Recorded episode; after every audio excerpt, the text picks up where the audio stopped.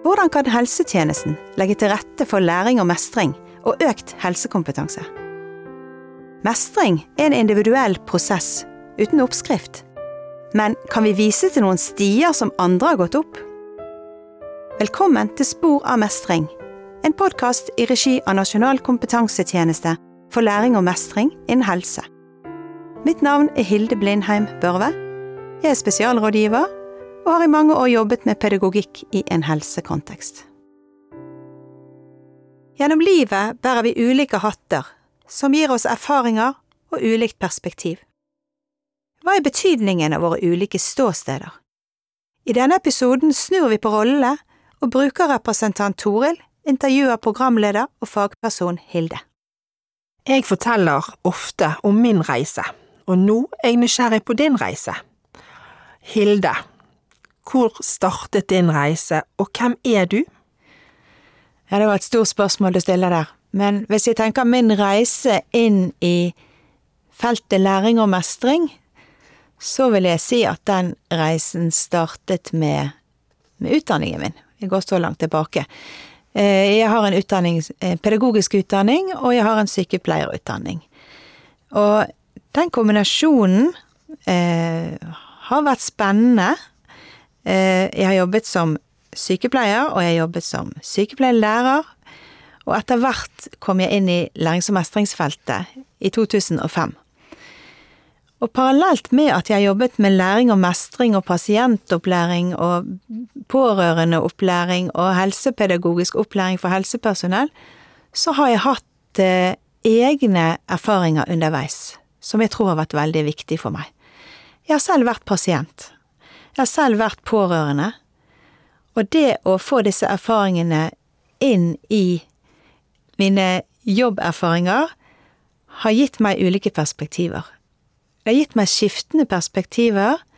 Jeg har gått ut og inn av de ulike rollene, og det tror jeg har gjort at eh, denne reisen har blitt spesiell, lærerik, både for meg personlig og faglig. Du har egne erfaringer. Um, ja, kan du fortelle litt om det, Hilde? Ja, det kan jeg. Eh, jeg husker tilbake at jeg var lærer i en avdeling, et sykehusavdeling, og så fikk jeg en telefon fra sykehuset om at min far var akutt innlagt. Han var innlagt på en avdeling der jeg var lærer til daglig, og jeg kom til sykehuset, og det husker jeg gjorde da, det var å gå rett i garderoben. Rett i personalgarderoben. Jeg kledde på meg arbeidsantrekk, tok på meg klokken, hang den fast, jeg satte på pennen i lommen og blokk i lommen, og gikk til min fars sykeseng og der satte jeg meg ned i arbeidsantrekk. Og hva skjedde da? Jo, jeg oppførte meg som en fagperson, jeg ble betraktet som en fagperson. I ganske stor grad, i hvert fall, tror jeg. Jeg tok ansvar i litt større grad, jeg hadde tilgang på det, og de kjente meg som en fagperson. Og dette gjorde jeg helt intuitivt, uten å tenke meg om, og det tror jeg handler om den tryggheten jeg følte med å ta på meg arbeidsantrekket. Selvfølgelig var jeg òg en datter da jeg satt ved sykesengen, men jeg hadde på meg arbeidsantrekk. Så kom en kollega av meg, en lærerkollega, inn i rommet og så meg sitte ved sykesengen til min far. Og så ser hun på meg og sier, Hilde, gå og skift, i dag er du datter. Forteller du denne historien din i forbindelse med, med jobben din? Jeg har ikke fortalt den historien, kan ikke huske at jeg har gjort. Eh, og det er òg litt sånne avveininger jeg må gjøre, for jeg har en hel del egen erfaring, både med å ligge mange, mange døgn i en sykeseng, og har sittet enda flere døgn på en stol ved en sykeseng. Og jeg kjenner ikke alltid behov, og tror ikke det alltid er rett at jeg skal fortelle så mye om det, men jeg tror at det, den erfaringen jeg har, ligger som en sånn eh, trygghet Eh, og gir meg en ekstra forståelse for de ulike perspektivene. Og jeg kan jo komme til å trekke inn deler av erfaringer, men jeg prøver å være forsiktig med å dele for mye av det, for eh, jeg tror ikke det er det jeg skal, annet enn i gitte situasjoner. Det er litt sånn i pasientmøter, hvor mye skal man dele seg selv? Av og til kan det være viktig bare at vedkommende som eh, en snakker med, gir til kjenne at en har en forståelse, Og den forståelsen er det en grunn til at en har, på en måte. Du Hilde, hva er drivkraften din? Hva driver deg fremover? Ja, um, det jeg tror som driver meg fremover, det er at jeg har erfart viktigheten av god kommunikasjon, god formidling, god informasjon og viktigheten av å bli tatt på alvor og føle seg trygg i situasjoner der en er ikke vant til å være. Det har jeg opplevd som pasient, det har jeg opplevd som pårørende, og som fagperson har jeg opplevd um, hvor godt det er å bli oppmerksom på det. Og se den forskjellen det gjør når vi klarer, å trygge noen andre. Og nå er jeg inne på det som jeg brenner for. Det er jo kommunikasjon, øh, relasjoner, det å trygge hverandre, som jeg sier, og det fører meg til ordet helsepedagogikk. For jeg har holdt kurs i helsepedagogikk i 15 år, og disse kursene de er for fagpersoner fra både kommune, sykehus og brukerrepresentanter fra både kommune og sykehus, som er involvert i lærings- og mestringsarbeid. Og jeg har sett og jeg har erfart hvor vesentlig det er at helsepersonell både har kunnskaper, ferdigheter og holdninger, gode holdninger i møte med pasienter og pårørende. Og jeg har sett effekten av at vi er sammen i det samme rom, brukerrepresentanter, kommuneansatte, sykehusansatte, at vi er i samme rom, vi møter hverandre, vi er sammen over flere dager. For når vi får drøfte og reflektere sammen og få påfyll av kompetanse og drøfter som fører til endrede holdninger, så ser jeg hva som skjer. Og det er helt fantastisk å være i det rommet når eh, vi diskuterer sammen. Og den forståelsen det gir, eh, og den endringen i tjenesten som jeg har fått tilbakemelding på at det gir, det driver meg. Det er helt fantastisk å være til stede i det, i det rommet når disse diskusjonene pågår, og hva det gjør at vi får et påfyll av kunnskaper, og hva det gjør med holdningene våre. Eh, og det å være sammen, erfarne brukerrepresentanter med erfarne og uerfarne fagpersoner, det gjør at vi forstår hverandre bedre. For det er ofte det som gjør at, at kommunikasjonen ikke går så bra. At ikke vi har forstått hverandre. Så få frem disse ulike perspektivene og skape pasientens helsetjeneste sammen. Og jeg syns det er så Jeg liker ikke uttrykket 'dere ute i kommunen skal jobbe med det, og vi her inne på sykehuset'. Jeg tenker at vi skal skape et vi i de rommene der vi er sammen, istedenfor de og oss. Og sammen med pasienter, brukerrepresentanter, dere brukere og vi fagpersoner, det er dere erfarne brukere og vi fagpersoner, vi skal sammen skape pasientens helsetjeneste. Vi skal skape gode tjenester, og det tror jeg vil si er min drivkraft. Og nå snakket du litt om brukermedvirkning, og vi to snakker jo mye om det, og så lurer jeg litt på, har du alltid sett verdien av å bruke brukermedvirkning? Nei, det har jeg faktisk ikke. Det har vært en reise. For jeg, kan, jeg prøver å huske tilbake til da jeg ble utdannet som sykepleier. Jeg kan ikke huske at temaet Det var kanskje et tema, men jeg tror dette er noe som har kommet mer og mer i senere tid. Og jeg tror jo òg i pasientens helsetjeneste, som Bent Høie har snakket så mye om, har det kommet mer og mer frem.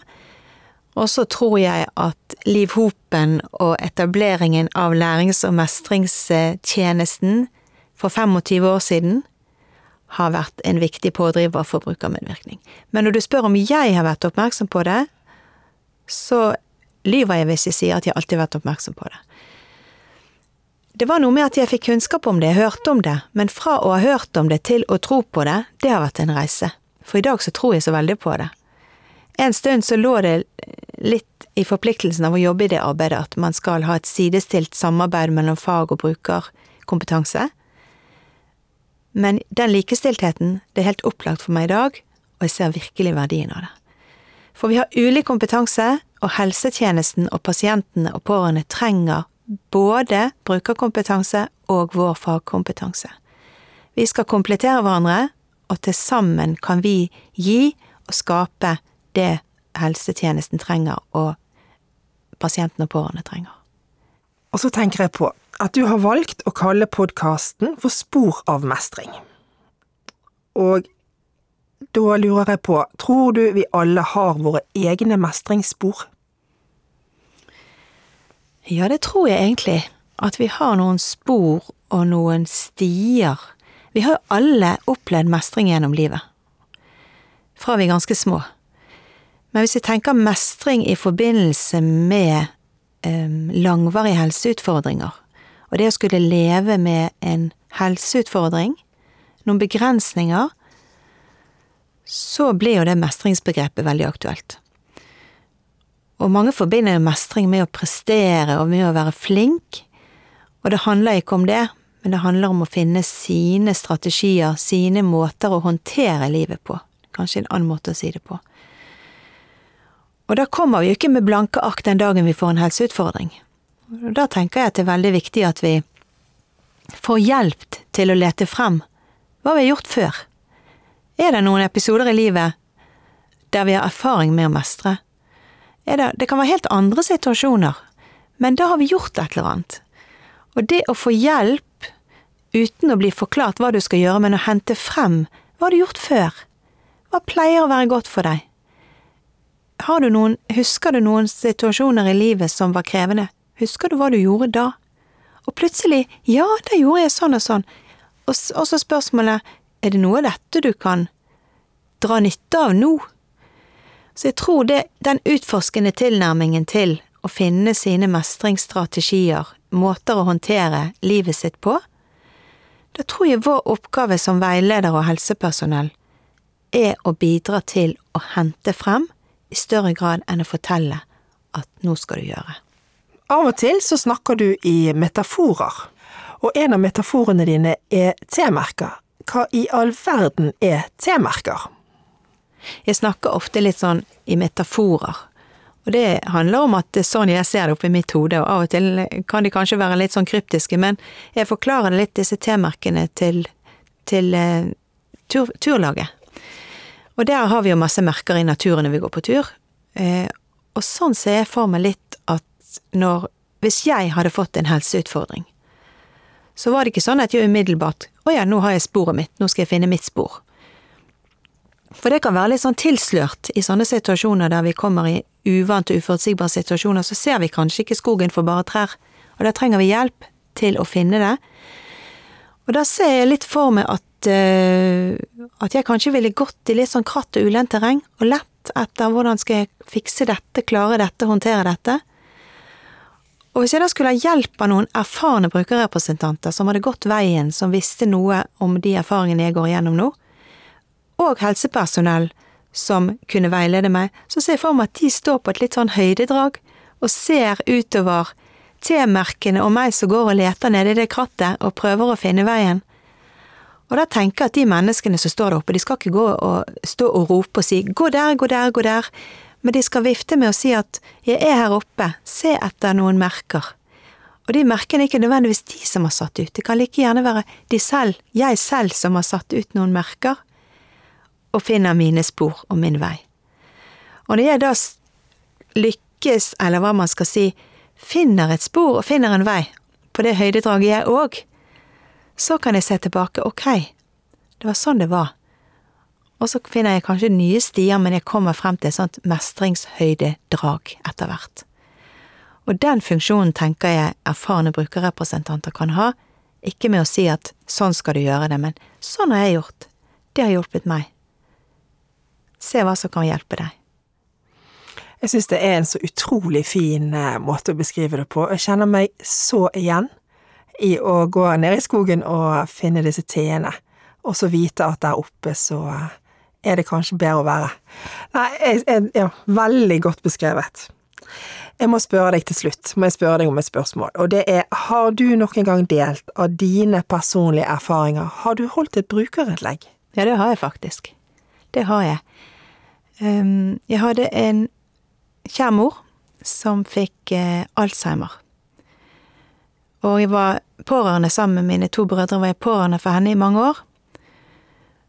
Uh, og etter som jeg hadde en jobb som handlet om læring og mestring på det tidspunktet, så var det naturlig å, å tenke mye og dra inn alle disse erfaringene mine inn i min egen historie i den tiden. Og så skulle det etableres et eh, tilbud på den tiden der jeg bodde, for eh, pårørende til demente. Og demens er jo en pårørendesykdom, sies det. Og det, det, kan jeg bekrefte. Det er en eh, belastning, og det er en reise, og det er en utfordring å være pårørende til en dement. Like fullt er det en, selvfølgelig en utfordring for den demente selv, men grunnen til at det er en pårørende eh, sykdom, som det sies, så handler det om at eh, her trengs det òg mye mestring hos de pårørende. Og da ble jeg spurt om å holde et erfaringsinnlegg som en innledning til et nyetablert kurs. Og det gjorde jeg, jeg tror jeg snakket i en halvtime, og det å gjøre det, det var veldig nyttig på mange måter.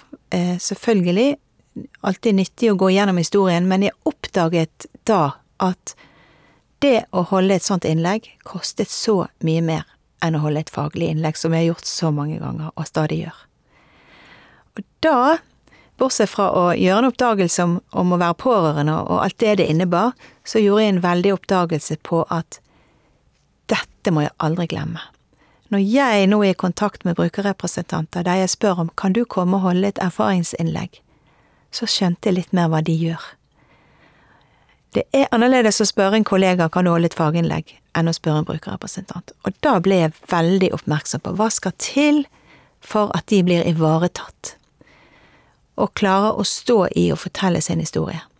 Hva trenger de før, hva trenger de underveis, og hva trenger de etterpå? Derfor så ble det en veldig, veldig sterk lærersituasjon. læresituasjon. Og det har nok påvirket mitt forhold til brukerrepresentanter i stor grad.